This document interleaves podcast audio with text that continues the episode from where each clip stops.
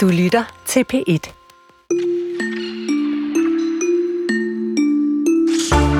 De fleste, der har et eller bare kender et kæledyr, de kan måske kende det med øh, det der med, at man virkelig gerne vil kunne tale samme sprog som sin øh, kat eller hund. Altså bare lige et øjeblik at kunne øh, kommunikere med hinanden. Det kan godt være, det er bare mig, men når min kat den siger miau 700 gange, selvom den har fået mad og alt andet, så vil det nogle gange være dejligt med en øh, kattetolk.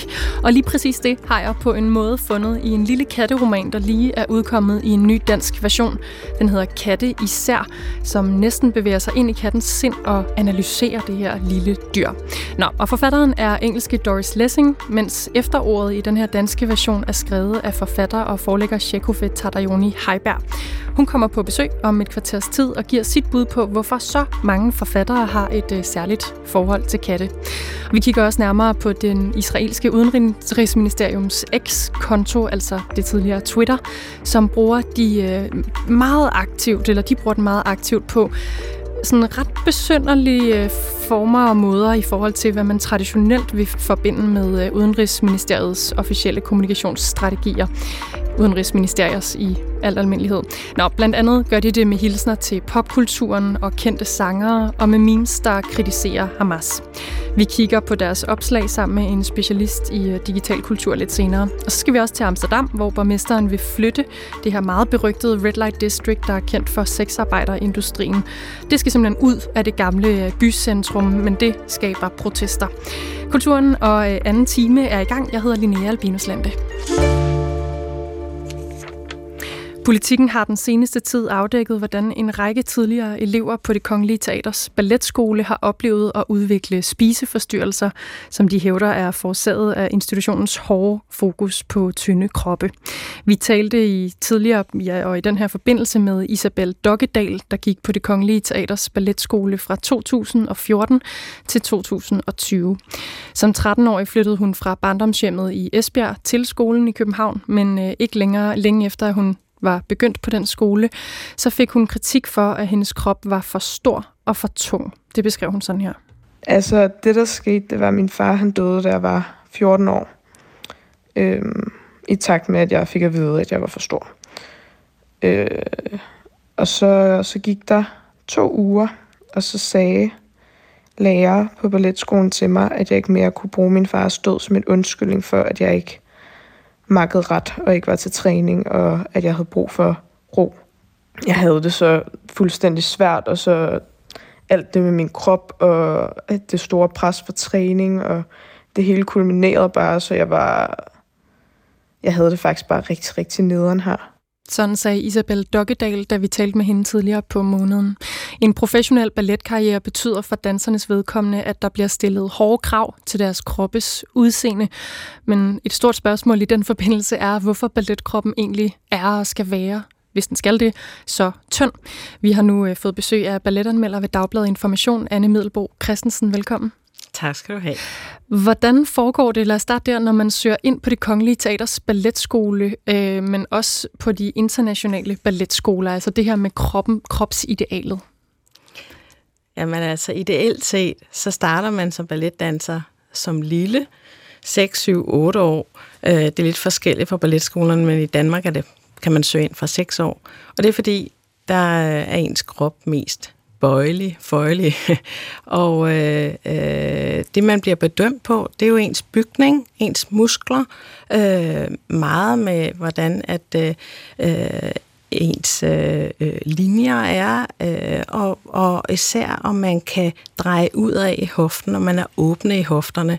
Og det behøver de fleste af os andre jo ikke rende rundt og spekulere på, fordi når vi går, så sætter vi fødderne parallelt ved siden af hinanden. Men balletdansere, hvis de skal løfte benene til siden og lave alle mulige mærkelige balletbevægelser, så kræver det altså de her åbne hofter, og det er det, man meget bliver testet for. Og så bliver man selvfølgelig testet i fødderne, altså er man stærk nok i fødderne, er man smidig nok i fødderne til at kunne lave de der bevægelser, bevægelser, hvor man står på halv to, som man kalder det, øh, eller på helt to, altså op i tos, på tosbesko, øh, hvis man er pige. Så derfor så øh, øh, er der en meget stor øh, undersøgelse af, af, af eleverne derudover kommer jo det her med, hvordan ser man ud? Hvordan, udtryk, hvordan, har, hvordan er ens udstråling? Altså, ja, okay, ren karisma. Ja, fordi det er jo det, der skal gøre, at man som publikum senere ser på vedkommende og tænker, wow, det der har jeg aldrig set før. Eller den der magnetisme, som en stor danser kan have. Altså, det er jo enormt vigtigt. Mm. Øh, der kan et smukt knæ jo ikke ligesom kompensere. Øh, og så er der selvfølgelig det her med musikalitet. Så, så man kan sige, en del øh, balletkroppe vil jo også kunne have været gymnaster, øh, men, men, men hvis man skal være danser, så skal man altså også være musikalsk, så er det ikke nok, at man kan lave nogle vilde stunts. Det skal altså være et musikalsk flow. Mm. Så der er mange krav, når man vil ind på både balletskoler, som den vi kender fra København, eller og nu har talt om i, i, i en del uger, og, så, og de internationale store ja. anerkendte skoler. Og hvis vi lige bare lige vender et kort øjeblik tilbage til, til det, du sagde om hofterne og fødderne, Altså, kan man så tillære det, eller er det i virkeligheden også noget, man kigger efter, hvor, hvor meget af det ligger i generne på de kroppe, man, man vurderer, når man skal igennem de der ansøgningsprocesser? Jamen, det ligger i generne, kan du sige. Altså, fordi din hofteskål er, er, som den nogle gange er, så kan du godt arbejde på at kunne dreje dine fødder, dine lov, din knæ, hele bentøjet mere ud af. Men hvis du ikke fra fødslen af er åben, så ender det med, det kan godt være, at du kan tvinge dig selv, men så ender du med en hel masse skader, mm. fordi du bliver tvunget til at bevæge dig med udaddrejet sådan chaplin fødder hele tiden. Så det er klart, hvis du ikke er lavet til det, så ender du bare med at få knæskader, eller ankelskader, eller hofteskader.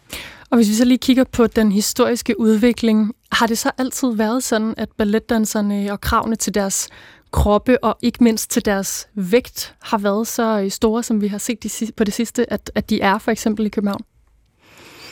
Altså, der har altid været, været krav til den her specielle øh, øh, bevægelsesglæde. Fordi det er jo det, det handler om, når man ser på sådan nogle øh, børn, som kommer ind i et rum. Altså, hvem hopper og danser og laver mærkelige ting med kroppen, og hvem går stille og roligt. Altså, hvem er det, der har lyst til at lege kropsligt? Det er selvfølgelig dem, som bliver de mest interessante dansere, hvis de, hvis de er født med den der kropsnysgerrighed. Mm. Men man kan sige, at den mere strukturerede pædagogik, det er noget, vi ser sådan fra, fra, fra 80'erne og 90'erne, i hvert fald i København, hvor man begynder at screene børnene mere sådan systematisk. Øh, men det er jo overalt i verden et kæmpe ansvar, det der med at, øh, at tage børn ind og så presse dem fordi det, de skal jo presses, hvis de skal blive øh, rigtig, rigtig gode, men de må jo ikke blive presset så meget, så det går i stykker af det. Og øh, øh, balletten er som kunstart er mere end 200 år gammel, så selvfølgelig bygger man på, at man selv som danser er blevet øh, opdraget på en eller anden måde, og man har gjort sig nogle erfaringer. Mange på balletskolen har jo altså tillært sig, øh, taget sådan en pædagogisk uddannelse oveni, fordi bare fordi du selv har været enormt god til at hoppe højt, behøver det jo ikke betyde, at du kan lære andre med andre kroppe at hoppe højt. Øh, så, så der er blevet meget mere fokus på det der pædagogik. Mm. Og har de altid skulle være enormt tynde balletdanserne, eller er det også noget, der har udviklet sig? Altså det har udviklet sig øh, i 1800-tallet og på Bournonvilles tid. Altså ham, der lavede balletterne Sylfiden og Napoli og et folkesavn osv., der var ballerinaerne altså mere runde i det. Der var også kostymer, som dækkede dem sådan til ned under knæene, så det var ikke så vigtigt, om de lige havde to kilo mere eller mindre hen over taljen. Men, men øh, øh, man kan sige fra 70'erne, 1970'erne frem, er der ligesom kommet meget mere fokus på, øh, på kroppens øh, linjer, øh, og, øh, og, og der er tyndhed pludselig blevet en kvalitet i sig selv. Øh, og i takt med det, så, er der, så ser vi så den her uhyggelige udvikling af spiseforstyrrelser, både hos voksne dansere, men jo altså så også på balletskolerne. Mm. Hvad, hvordan ser de forskellige balletskoler og kompanier generelt på øh, balletkroppen i dag? Hvad er dit indtryk af det? Jeg har indtryk af, at de fleste øh, skoler gør rigtig meget for at signalere til forældrene, at vi er meget ansvarlige. Øh, jeg var lige inde og tjekke øh, skolen hos Royal Ballet i London, der bruger det, det allervigtigste ord for dem, det er passion. Altså har dit barn en passion for at danse, så er det lige noget for os. På det kongelige teaters balletskole, så står der, har du lyst til at danse? Øh, øh, altså det er meget det, man understreger, fordi der er kommet det her skrækbillede af, øh, af lærere, der, der presser børn ud i det urimelige, mm. øh, og, og børn, som får skader og bliver ulykkelige. Øh, og det er jo ligesom overhovedet ikke meningen med det her. Mm. Du sagde før, at på en eliteskole, som, som en balletskole også vil være, der skal man til en vis grad presse de, dem, der, der går der, fordi at det er det, der skal til for, at man bliver rigtig dygtig på det utroligt høje niveau, som det jo er, også i ballettens verden. Hvordan hænger det sammen med, den her tynde krop. Altså, det er jo, der er en udvikling her, som du selv siger, hvor det kan gå rigtig galt, og som vi har set det gøre i København. Hvordan hænger det sammen med? Altså, kommer man til ligesom at blåstemple den der mode, der ligger i at være enormt tynd, ved også at hylde det elitære og det meget fornemme, det jo også er i at danse på ja, en balletskole som i København? Altså jeg tror, presset det ligger jo i det at være eliteelev. Det gælder jo, det er jo det samme, om du spiller fodbold, eller om du svømmer, eller hvad du gør. Det, at nogen har fundet ud af, at du er en af de aller, aller bedste i landet, det er jo et kæmpe pres i sig selv, og så er det en kæmpe mulighed, og det er en kæmpe glæde. Øh, så, så presset ligger der. Øh, det, det tror jeg ikke, man kan tage ud af det. Det er mere det der med, hvorfor blev det så pludselig øh, meget vigtigt, at man skulle være så tynd. Ikke bare almindelig slank øh, og muskulær, men man skulle være så tynd. Og det, det er jo der, hvor det er kammet over, og hvor nogle voksne åbenbart har påduttet øh, nogle elever inden for de sidste øh, øh, 10-15 år, øh, ifølge politikens undersøgelse. Altså det her med, at du skal tabe dig. Mm. At, øh, øh, Øhm, det, det er jo selvfølgelig logisk nok, jamen, hvis man nu for eksempel har svært ved at, at hoppe rigtig godt og sådan noget, jamen hvis man blev lettere, kunne man så hoppe højere. Altså det er jo sådan en almindelig logik imod den her tyngdekraft. Men, øh, men, men det her ideal om at være øh, knækketynd, det, det er jo sygt i sig selv.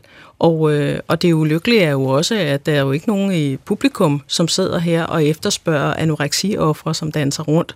Øh, det er jo øh, det er en skønhedskunstart, og man vil gerne se smukke og helt ekstremt teknisk dygtige dansere, men man vil jo gerne se hele mennesker, og man vil gerne se spændende kunstnere. Mm. Øh, så, øh, så, så det er helt klart en kultur, som trænger til at, at øh, forandre sig.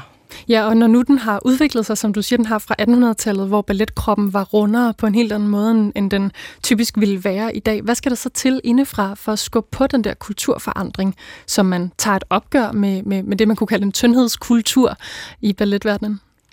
Altså, det er klart, det her har været et wake-up call for det Kongelige Teaters Balletskole, øh, men, men det, det svarer jo til udviklingen tilsvarende i andre kompanier, at man begynder at indtage, øh, optage dansere med øh, mere øh, forskellige kroppe.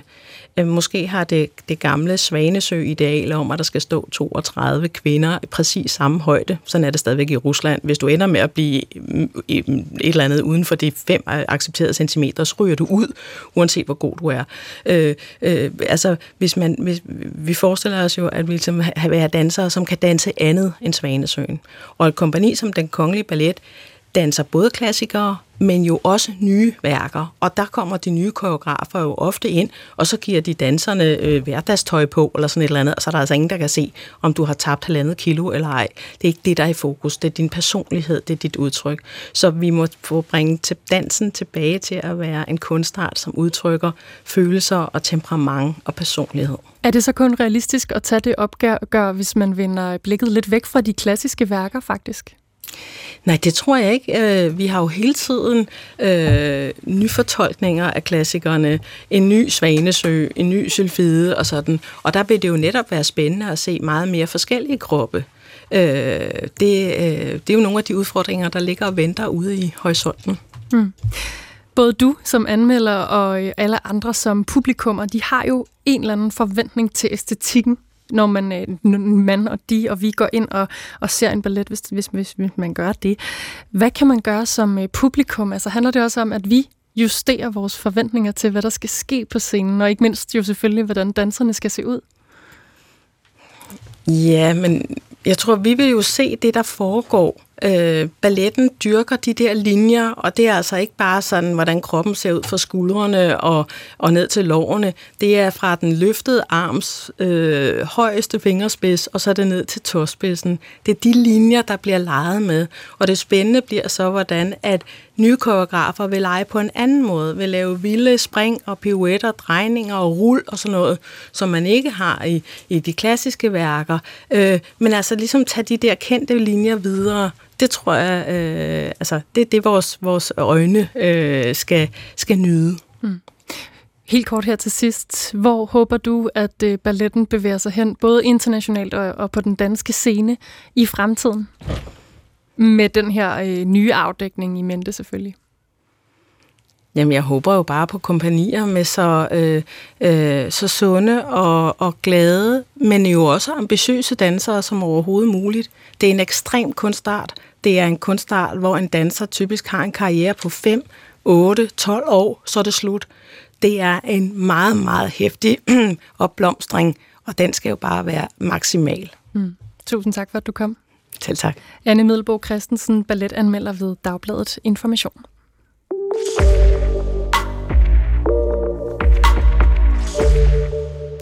Der findes to slags mennesker.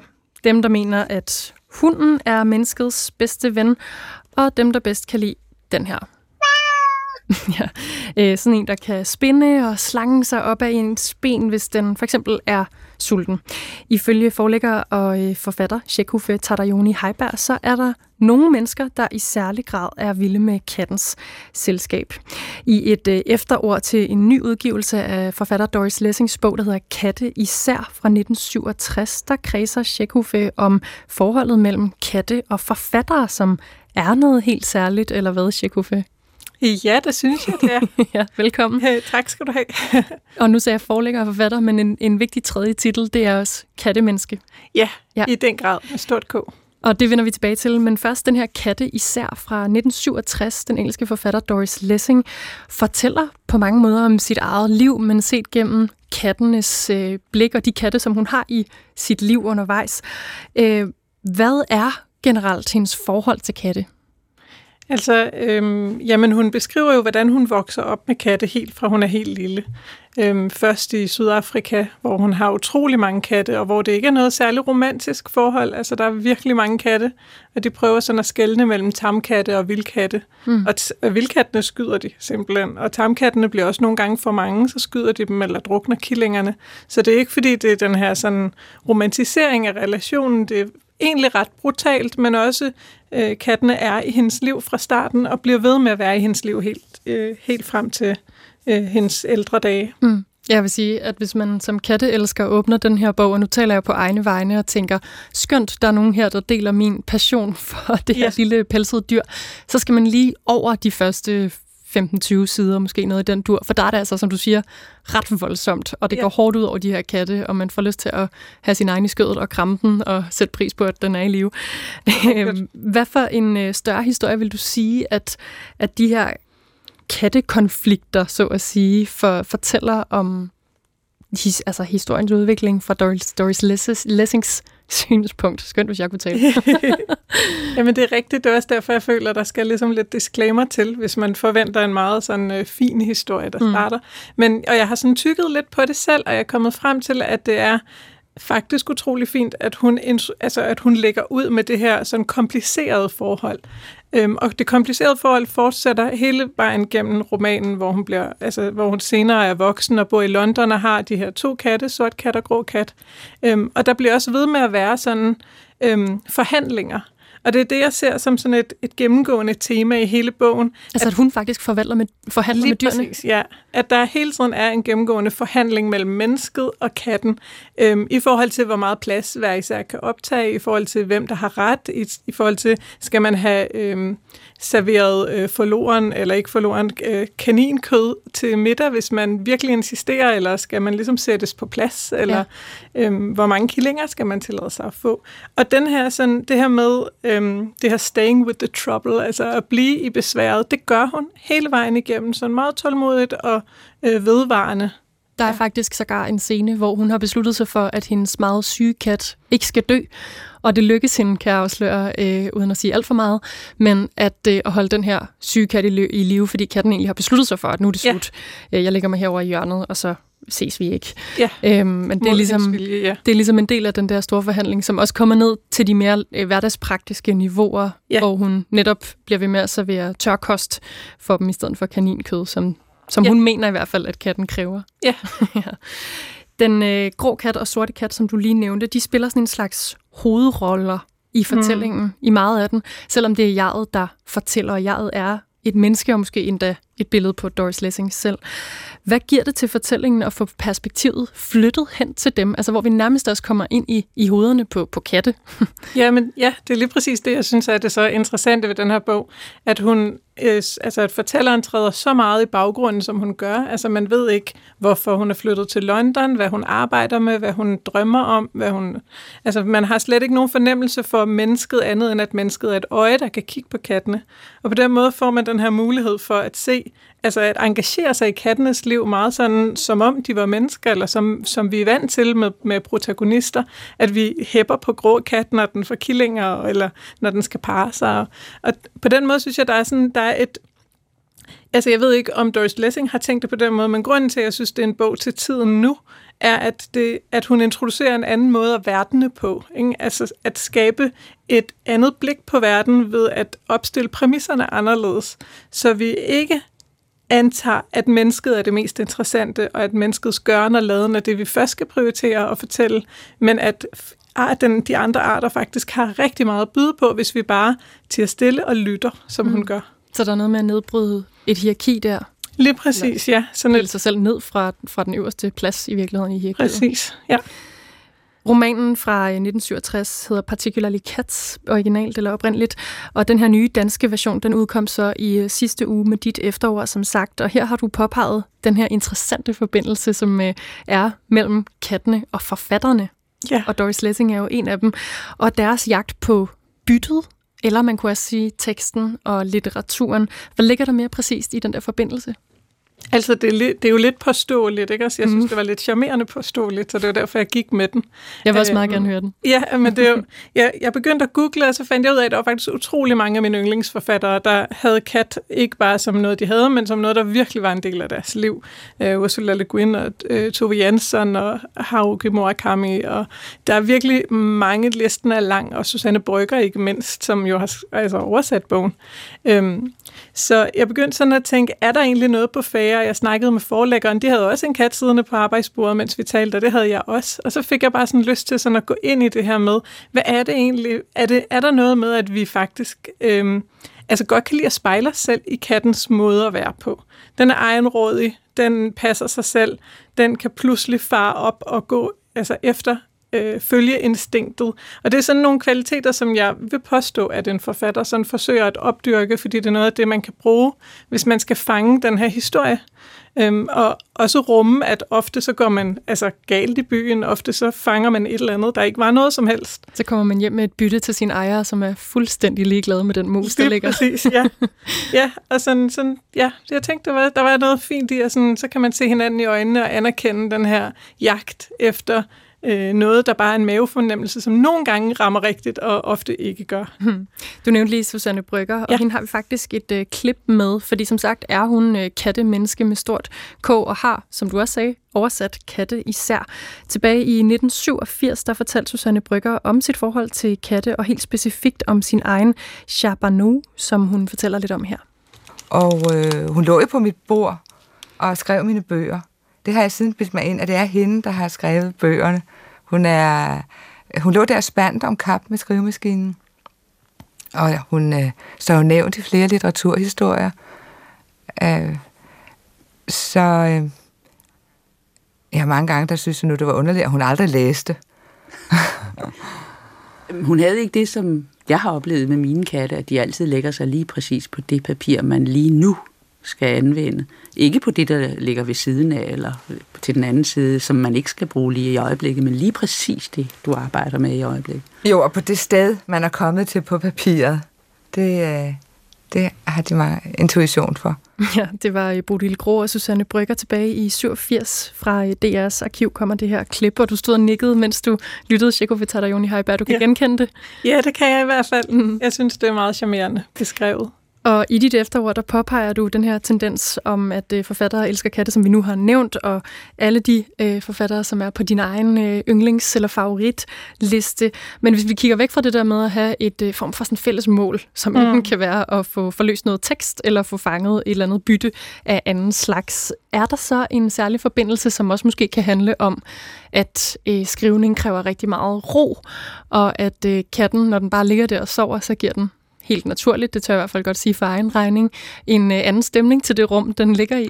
Ja, nemlig lige præcis. Altså, ja. jeg synes også, man kan brede det lidt mere ud, så det ikke kun handler om forfattere. Altså, jeg synes, katte tilbyder mennesker den her ro, som de selv har. Ikke? Vi, vi jager rundt og stresser rundt, og så ser vi den her kat, der bare ligesom lægger sig om på den anden side og sover. Øhm, og der er også det her med, at kattens spinden, den kan sådan på en eller anden måde øh, berolige vores nervesystem. Så der er noget med, at den her disponering for katten er utrolig god. Øhm, og ja, også i særdeleshed for forfattere, der har brug for at være øh, totalt fokuseret, men samtidig godt kunne tænke sig at have lidt selskab øhm, i form af sådan et øh, stille pelsdyr, der trisser lidt omkring. Mm. Jeg kunne tænke mig lige at dvæle et øjeblik øh, længere ved Ursula Le Guin, som du nævnte, for hun er en af de personer, du fremhæver allerede har ja. gjort her. Hvad er det særligt interessante ved hendes forhold til katte? Ja, altså øh, det første gang jeg stødte på det, der var det via en blog, hun skrev i sin scene, øh, scene alder øh, om katten Part, og der gør hun lidt det samme, som Doris Lessing gør. Altså hun skriver hun skriver faktisk direkte fra kattens perspektiv. Og hun har den her evne til at træde ind, det har hun jo i alle sine værker, øh, i en verden, og så beskrive den indefra. Ikke? Og hun gør det her, som jeg synes, man godt kan kalde artslitteratur. Altså hun, hun åbner lidt det her rum for mig. Hun har også en bog, der hedder Vejens Retning, som er skrevet fra et træs perspektiv, hvor træet synes, det er så underligt, at de her, den, den her måde, bilerne kommer tæt på og kommer langt væk. Så det er sådan en træning, altså en øvelse i at øh, opleve verden fra andre arters perspektiv, forstå deres intelligens og forstå deres længsler og drømme og sådan respektere dem som øh, ligeværdige. Mm. Og så er der også forfattere, der på en anden måde bruger katten som et mere litterært redskab, kan man nærmest kalde det. Her nævner du Murakami, som du også satte navn på for et øjeblik siden. Hvordan bruger han katten i sine tekster? Øh, ja, blandt andet i øh, Trækopfuglens krønike kan jeg huske, at øh, katten har en ret fantastisk rolle, fordi den sådan går omkring os pludselig, og, og mennesket følger med. Og så vidt jeg kan huske, så går katten ligesom ind i en mur, altså sådan en brøndmur, som ligesom forvandler sig til en form for portal. Og det her med, at katten er adgangsgiver til et magisk rum, det tror jeg også er noget af sådan af fascinationen af katten, at sådan sidestillet med hesten, der også kan blive til en enhjørning, så er det meget katten, der er det dyr, som på en eller anden måde giver os adgang til noget magi. Sådan, vi synes, vi kan kigge den i øjnene og se, at den er at den tænker et eller andet super intelligent, eller at den i hvert fald sådan giver os følelsen af, at, at vi kan få adgang til en, en mere interessant og mere magisk verden. Mm. Jeg introducerede dig som kattemenneske, og nu har vi, ja. vi to, jeg har lyst til at sige nærmest fangirlet over det her ja. kæledyr. Det kan være, at der er nogen, der sidder derude og er rigtig træt af at høre om, hvor fantastisk øh, katten er. Det tror jeg ikke. I skriver bare. øh, du passer også på den her tendens. Du er selv forfatter mellem at have en øh, kat og beskæftige sig rigtig meget med det litterære. Hvordan betyder katten noget for dig personligt?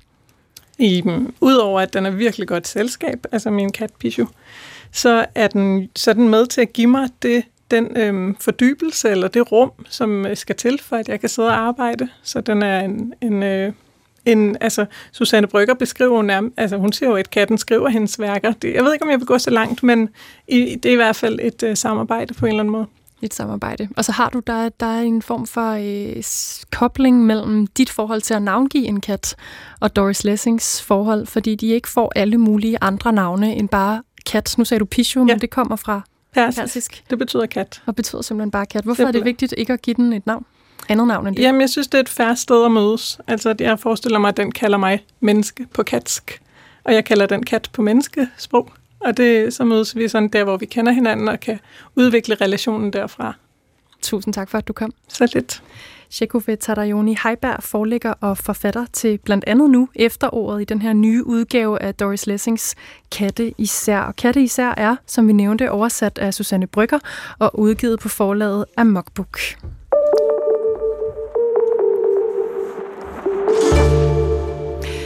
Nu retter vi blikket mod X, det sociale medie, som mange kender som Twitter før i tiden. For øh, her lyder et opslag sådan her. Taylor Swifts Era Tour Bodyguard er returneret hjem for at kæmpe for sit land. Hey Taylor Swift, vi lover, du aldrig finder en som ham igen. Og det har de postet, øh, det her opslag er blevet postet, sammen med et billede af en mand iført israelsk uniform. Og det er et af rigtig mange opslag på det sociale medie X, som sagt skrevet af det israelske udenrigsministeriums officielle bruger på det her site. For øh, hvis man har fulgt konflikten på X det seneste stykke tid, så kan det være, at man allerede har bemærket, hvordan Israel-kontoen her poster en hel del i forbindelse med krigen med Hamas. Det handler om angreb fra Hamas, men der er også øh, memes og referencer til populærkulturen. Der er videoer af sårede israeler og alle mulige former for historier. De har eksempelvis også delt et billede af en 12-årig pige, hvor hun på billedet er iklædt et Harry potter kostume lignende øh, stykke tøj, og profilen har så tagget J.K. Rowling, forfatteren bag Harry Potter, og bedt hende om at hjælpe med at få øh, pigens historie ud. Det vilde er på en måde, at øh, det er en officiel profil, tilknyttet den israelske regering. Og nu siger jeg vilde, men det er i hvert fald opsigtsvækkende, fordi det er usædvanligt. Øh, de deler alle de her ting på mediet X, og det virker som øh, en øh, lidt ny måde at bruge sit sociale medie på som, som ministerie. Men er det nu også det? Det kan Katrine Pedersen hjælpe med at gøre os klogere på. Velkommen. Mange tak. Forfatter og specialist i digital kultur, og også personen bag podcasten Mime dig til magten.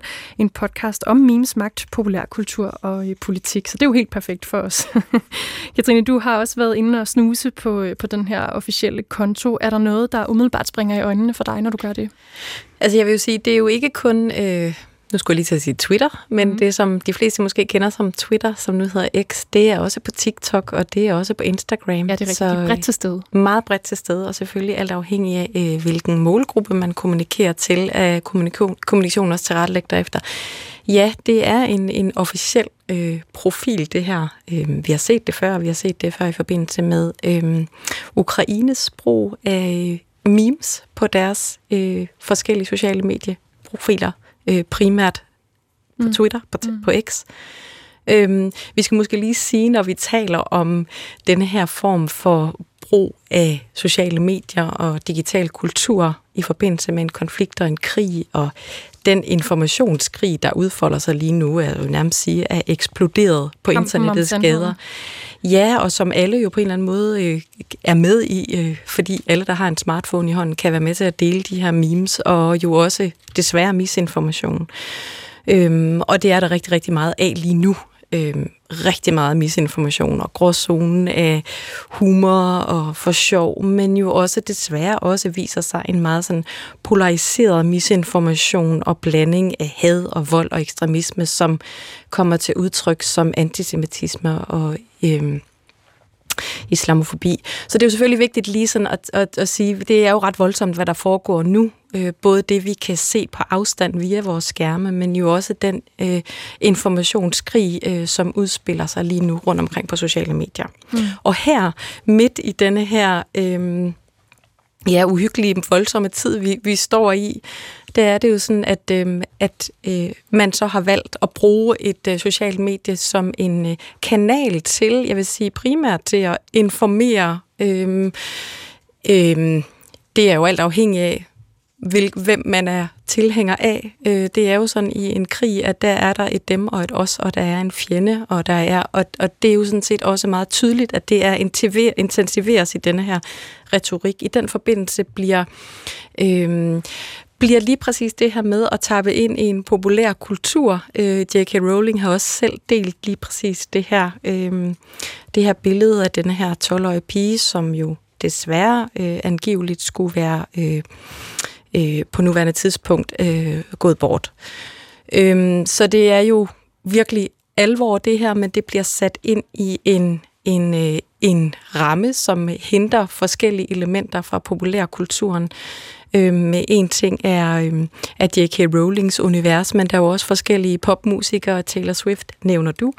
Øh, der er jo forskellige kommentarer også på profilen. Der er nogen, øh, alt afhængig af også, hvem man, øh, hvem man støtter, øh, og, og, og hvordan man forstår og tilgår denne her øh, konflikt.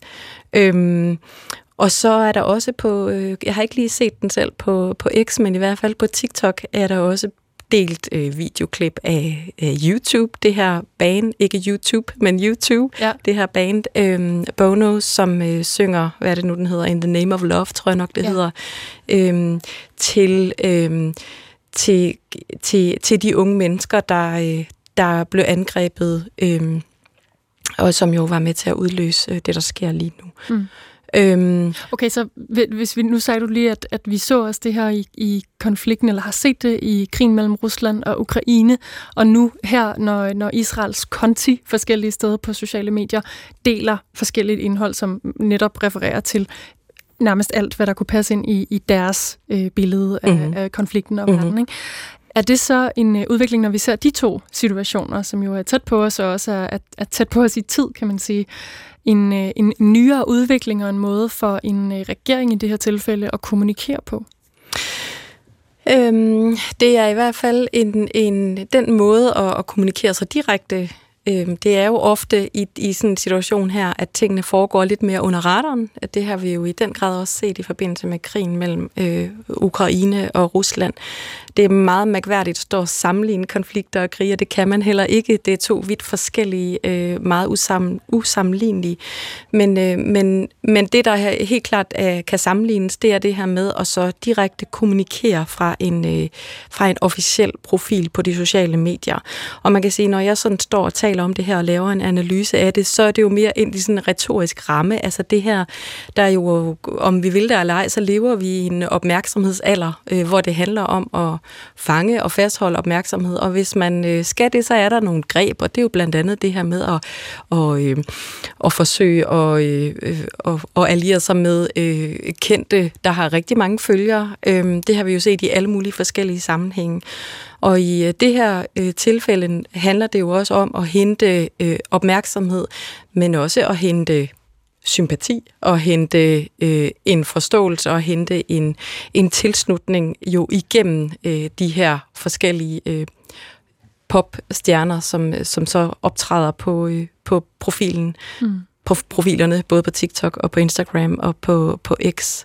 Øh, men det er jo mere sådan, sådan et, et, et, en generel beskrivelse af, hvordan man kan bruge, at de her sociale medier bliver brugt i forbindelse med en krigssituation. Og det har været meget tydeligt i, øh, i forbindelse med øh, Ukraines brug. De har jo så eksplicit lavet memes, altså jo simpelthen brugt satire til i bund og grund at, øh, at gøre grin med Putin, og jo på den måde jo også vinde en folkestemning, og med humor øh, skabe et, et fællesskab omkring en modstand. Men... Øh, Øh, men jo selvfølgelig også et forsøg på at bruge det som et indirekte våben til at, øh, og, hvad hedder det, ja, overført betydning, øh, trække bukserne ned på, øh, på Putin, mm. når det er humor, man bruger. Jeg har ikke set så meget øh, humor brugt øh, på, øh, i, i, øh, i forbindelse med Israels brug af, af sociale medier. Øhm, og, øh, Men når vi Men- siger memes, så ved jeg, at du, det er også en, en bred definition, vi arbejder med, når, når det gælder øh, memes. Ikke? Fordi det behøver ikke nødvendigvis at være sådan lovklasker sjovt, men en anden måde at tabe ind i debatten på. Ja, man kan sige, at et meme kan man beskrive på mange måder, men det, det basalt set er, det er et stykke internetkultur, som så har et potentiale, til at smitte. Det er derfor, det hedder øh, gå viralt. Ikke? Altså det her med, at, man, øh, at der er en, en bid af noget information, som lige pludselig vedrører en masse mennesker, og som får en masse mennesker til at, at dele. Man kan måske også... Ikke, jeg plejer nogle gange at snakke om det som sådan en form for social patchworking, at man kan, at man kan tage noget og dele det videre om. Så kan man enten kommentere på det selv, eller lægge et billede på, og det er jo meget TikTok, vi ser. Det er lige nu sådan en meget sådan collage-tilgang til kommunikationen, også i forhold til det her. Fordi det er jo sådan, at en ting er den her envejskommunikation, det kan bruges til, men der, hvor det jo allermest, øh, kan man sige, kommer til udtryk, det er jo det er jo i kommentarsporene, og den måde, som folk de interagerer med det, og, øh, og, og selv bruger hashtag, alt afhængig af, hvem det er, man støtter. Øh, altså øh, at kunne på den måde tilkendegive sin, øh, sin støtte eller sin modstand. Så det skaber jo øh, en mulighed for lige præcis det, og det er jo også på godt og, på godt og ondt, det som sociale medier kan. Der er jo desværre ikke ret meget øh, plads til nuancer, og det er jo også derfor, jeg kalder det en, for en informationskrig, fordi det bliver en meget, øh, fronterne bliver øh, trukket meget hårdt op mm. i, i, i det her i den her kommunikation. Og jeg står her med øh, lige præcis et eksempel på det, en øh, Disney-figur, altså det vil sige en tegneseriebillede, som holder et skilt op, og så er der blevet, det er blevet øh, retuscheret væk, det der oprindeligt stod på det skilt, og så står der på engelsk, hvis du kunne eliminere én ting fra verden, hvad skulle det så være? Og det er Elon Musk, der har postet det, så har han sagt, lad mig begynde alle andre sociale medieplatforme end X. Og, og det er ligesom, det står for hans regning. Og så har Israel den her X-konto re, gen, retweetet, hedder det egentlig stadig det? Øh, gendelt det kan vi godt sige. Lad os sige det. Og så har de bare skrevet, som du selv siger, det er sagt meget, meget kort. Et klart budskab fra dem, der står bare Hamas. Det er mm. det, de vil øh, eliminere. Hvem appellerer sådan noget her til? Altså, hvor man kombinerer noget enormt voldsomt og jo stærkt politisk med sådan et Disney-billede. Ja. Ja, men nu kan man sige, nu er det jo Elon Musk, der, der deler det her. Jeg har set et, et, øh, et lignende, som er sådan en klassisk meme-skabelon, hvor, han, altså, hvor man enten kan vælge at trykke på den ene eller på den anden knap, og på den måde også signalere, at man har rigtig meget magt. Øh, og det har Elon Musk øh, også valgt at gå ud og kommentere på den måde. Det er jo i og for sig, vil jeg, vil jeg i højere grad sige, den der måde at klippe klister af nogle forskellige meme-skabeloner, det er det her også. Det er jo sådan et billede fra, øh, hvad er det nu, jeg skulle lige til at sige, øh, Jerry, hvad du de hedder, det musen og katten. Tom og Jerry. Det, lige præcis, tak for det. Øh, de her Disney-figurer, som, øh, som er et, øh, et, et, et, et tegnefilmsunivers. Øh, så det er jo også sådan en meme-skabelon, han bruger.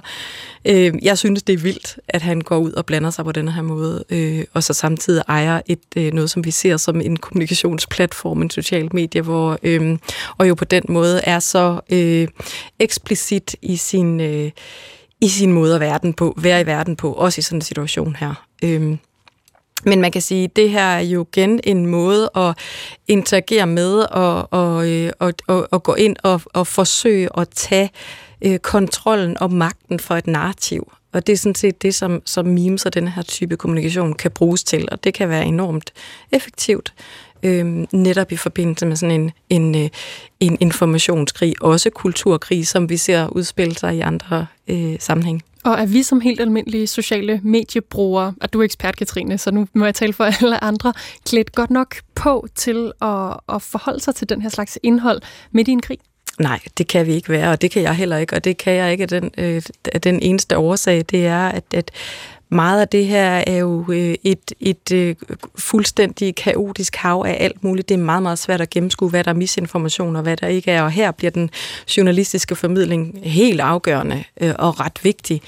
Øhm, så det er jo sådan set, øh, man kan sige, det kunne jeg tale rigtig længe om, hvad det er, der er problemerne ved det. Men, øhm, men det er, øh, det er desværre rigtig svært ligesom at vaccinere sig imod, og det er svært at bare og ligesom at, at, at bruge øh, digital dannelse til at blive bedre til det, fordi at det er jo en, en øh, øh, meget af det er jo også øh, forskellige øh, greb, der bliver brugt, som, hvor algoritmer også kommer i spil. Øh, nu skal jeg nok lade være med at tale alt for lang, lang tid om det, men det er måske vigtigt bare lige at nævne det her med, at mm. der er også nogle redskaber, som efterhånden kan bruges med de her nye teknologier. Hvis man forstår, hvordan man booster algoritmer, det kan være forskellige, på forskellige vis kunstigt, øh, øh, blandt andet ved at bruge øh, bots og så videre. Og det ser vi jo øh, som nærmest en helt øh, almindelig, klassisk øh, ting i forbindelse med, med, øh, med konflikter som det her.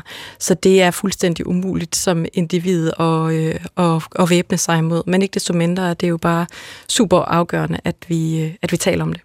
Og tusind tak for, at du vil være med til at gøre det. Til tak. Katrine Pedersen, forfatter og specialist i digital kultur, og en af to værter på podcasten Meme der til magten, som er en podcast om memes, magt, populærkultur og politik.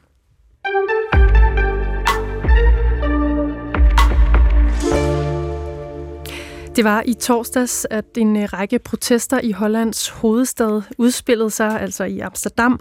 En stor gruppe sexarbejdere gik med bannere og skilte gennem Amsterdams gader for at demonstrere imod et forslag, som byens borgmester er kommet med. Femke Halsemar, Amsterdams borgmester, er nemlig i fuld gang med at flytte det meget ikoniske og berømte Red Light District ud af byen. Velkommen, Jeanette Jorsal. Tak. Journalist og forfatter blandt andet til Turen går til både Holland og Amsterdam. Og vi skal tale om, om det her øh, flytteprojekt, men lige inden vi gør det, så lad os uh, gå ind i de her protester og planen og så videre. Så skal vi lige have på plads, hvad det egentlig er, der kendetegner Red Light District i Amsterdam for den uh, gængse hollænder. Ja, de er kendetegnet ved, at øh, der sidder sexarbejdere i vinduerne, og det hedder vinduesbordeller, og øh, de sidder i byens ældste kvarter. Øh, det hedder på voldene, op de Valle på hollandsk. Og når man siger op de Valle i Holland, så ved alle, hvad det drejer sig om, nemlig der, hvor sexarbejderne de arbejder. Og det er sådan et meget, faktisk ret koncentreret område om de to ældste kanaler, i hvert fald i den ene ende af de kanaler, hvor der så også er en, en række ja, caféer, butikker, øh, kiosker mest øhm, som, ja, som ligger der i, i det område. Mm. Øh, og så indimellem, der er de her øh, røde øh, eller rødt belyste vinduesmodeller, hvor, hvor kvinderne de sidder. Og det er nogle af dem, der så protesterer nu mod den her plan om at rykke Red Light District fra, fra det gamle bycentrum. Hvad går de mere præcist ud på, de her protester? De går ud på, at de øh, vil simpelthen ikke væk. Altså sexarbejderne, de vil blive inde i øh, det gamle Amsterdam. Det er både et smukt og sådan set også et meget hyggeligt område, hvis ikke det var for den trængsel, der er. Og det er en trængsel, som simpelthen bare bliver, øh, bliver værre og værre. Øhm, de vil blive der, og de vil ikke ud i noget nyt, uanset hvor fancy det måtte være tegnet og, og bygget. De vil simpelthen blive derinde, og de siger så, at øh, de er godt klar over, at der er et problem problem. Det ved alle i Amsterdam faktisk godt. Øh, det er så lige meget, hvilke interesser de har. Og hvad er det for et problem? Og det er der for mange mennesker. Der er simpelthen øh, der er for mange turister, der vil ind og se Red Light District. Øh, det er nok øh, Amsterdams største attra- hvad hedder, turistattraktion. Det er svært at sige, hvor mange der kommer, man kan sådan se forskellige bud på det, men, men det ligger sådan omkring de der 3 millioner, som simpelthen skal ind og se de der øh, langs den kanal og, og se det område, og så er der jo nogle små gyder imellem øh, kanalerne, og fredag og lørdag aften, der er der så afsindigt mange mennesker, så jeg vil sige, det er decideret ubehageligt at være der, og jeg gør alt, hvad jeg kan for at sige til folk, I skal ikke til, til Amsterdam fredag og lørdag, og det er sådan uanset hvor det er i byen, øh, fordi der er simpelthen for mange turister. Man skal være der mellem søndag og onsdag. Men de har jo fået Amsterdam et Venedig-problem, øh, og det erkender man. Og så skal der Øh, Annette Jorsal, du forsvandt simpelthen lige. Jeg ved ikke, om du stadigvæk kan høre mig. Det lød som om, du gik i gang med sætningen om, at øh, så skal der gøres noget. Vi arbejder lige på at få hul igennem til Annette Jorsal igen, og i mellemtiden, der hører vi lige et klip med en af sexarbejderne, der hører til i øh, Red Light District. Hendes stemme er sløret, så hendes identitet forbliver skjult, og det lyder sådan her. Het argument dat het veiliger zou zijn voor de sekswerkers, dat, uh, dat klopt denk ik niet. Het is hier al uh, super veilig, heel goed georganiseerd. Um, Dus waarom ga je iets repareren wat niet kapot is? En um, de overlast uh, die hier wordt ervaren, en die is er ook echt hoor, dat is, dat is echt wel zo. Dat komt door het overtoerisme, maar dat is niet de schuld van de sekswerkers. Ja, her forklarer den her unavngivende sexarbejder til det franske nyhedsmedie AFP, at borgmesterens argumenter for hende at se ikke holder. Sexarbejde vil, efter hendes mening, ikke blive sikrere ved at rykke Red Light District ud af byen. Det er allerede sikkert, som det er, siger hun, så hvorfor ændre noget, der allerede fungerer? Og øh, nu øh, ser vi lige, om vi har øh, fat i, øh, i Annette Jorsal igen. Har vi det, Annette? Det lyder ikke sådan. Vi kan lige i mellemtiden, vi giver det lige et øh, skud mere, og så øh, hører vi lige et øh, klip fra borgmesteren selv, altså Femke Halsemar, som øh, jo er hende, der vil have øh, Red Light District rykket ud af byen. Det er et kort klip, vi kan lige høre det her.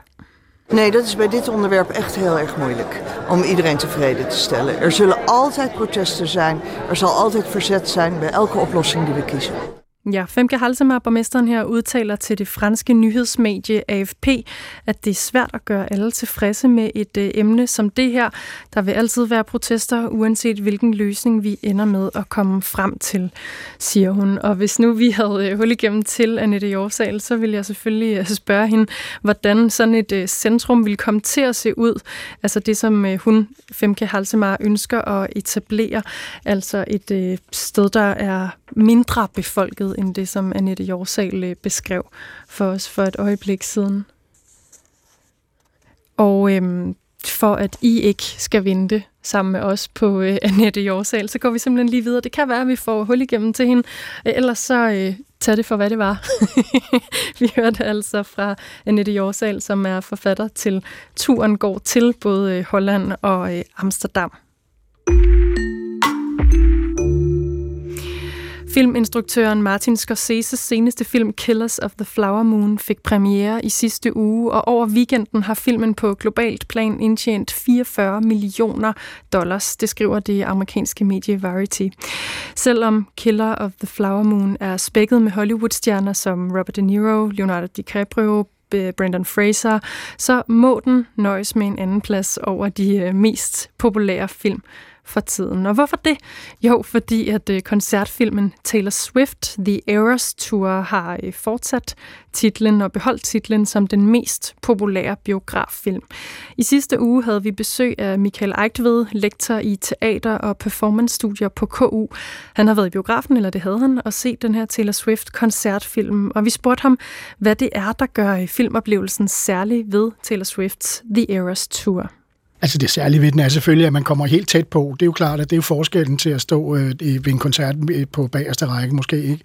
Øh, så det, er jo, det, man i virkeligheden ser, er jo det, man typisk vil få op på storskærmen bagved til sådan en, en, en koncert. Men man får det jo på en anden måde og en helt anden billedkvalitet, så man har fornemmelsen af at stå op på scenen med hende og ligesom være måske en af koret og, og danserne.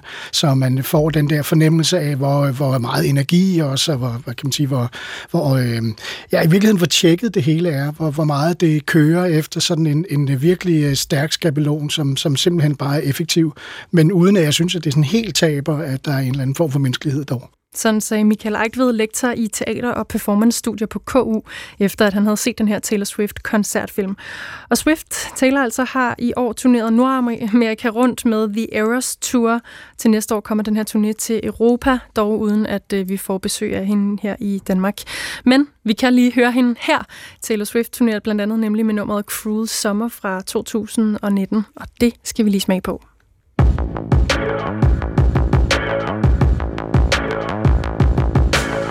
Fever dream high in the quiet of the night. You know that I caught it. Bad, bad boy, shiny toy with a price. You know that I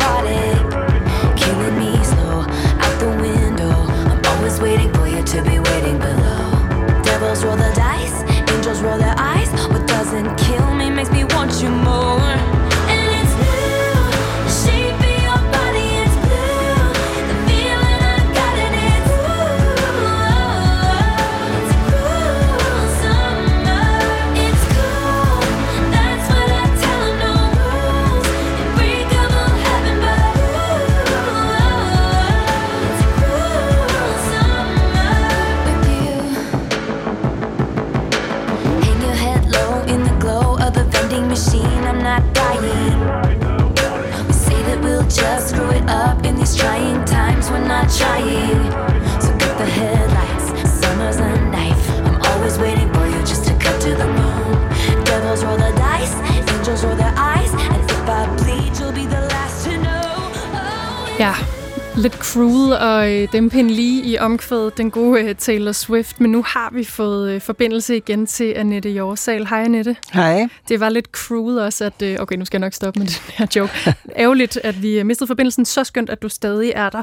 Det, som vi nåede, var at høre fra en af de her anonyme sexarbejdere, som fortæller, at hun ikke øh, køber borgmesterens argumenter om at flytte Red Light District, øh, fordi at det ikke nødvendigvis vil blive sikrere at være sexarbejder uden for byen.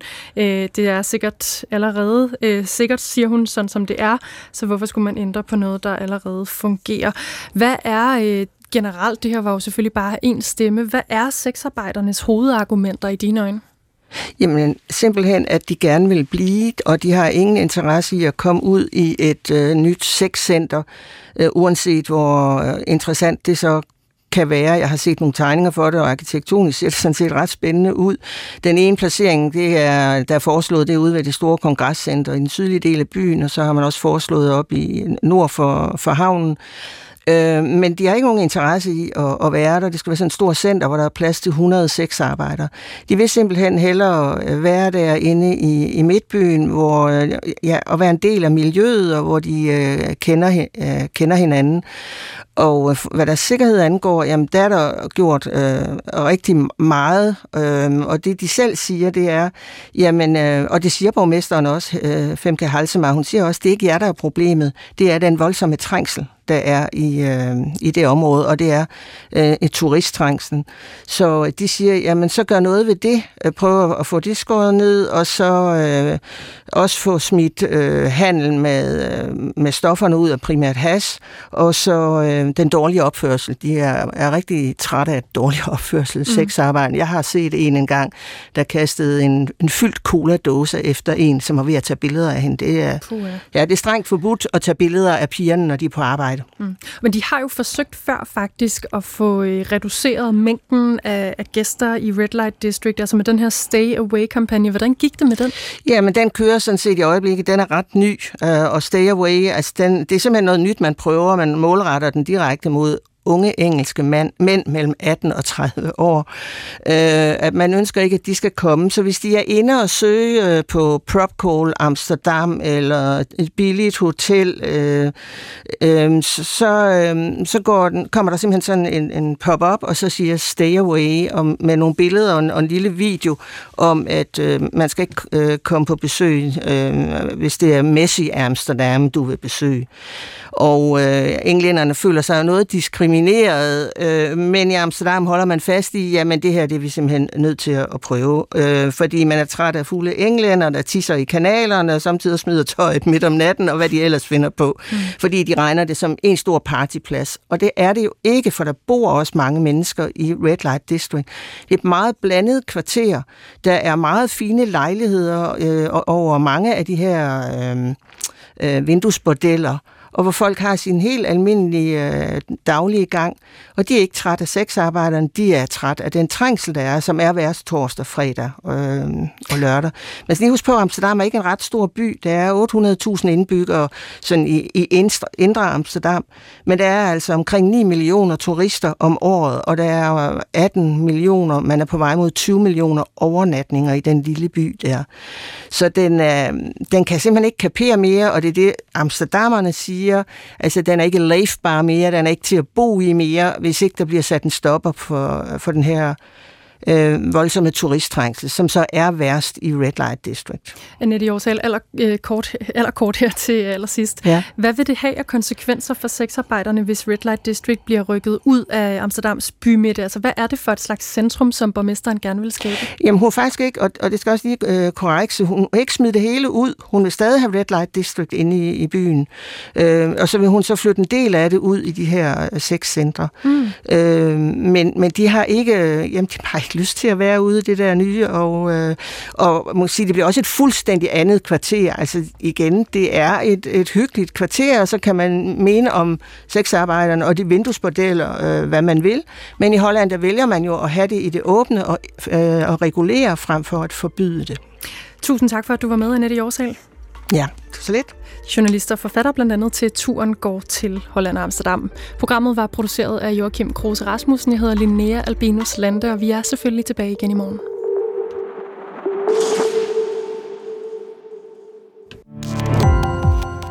Gå på opdagelse i alle DR's podcast og radioprogrammer. I appen DR Lyd.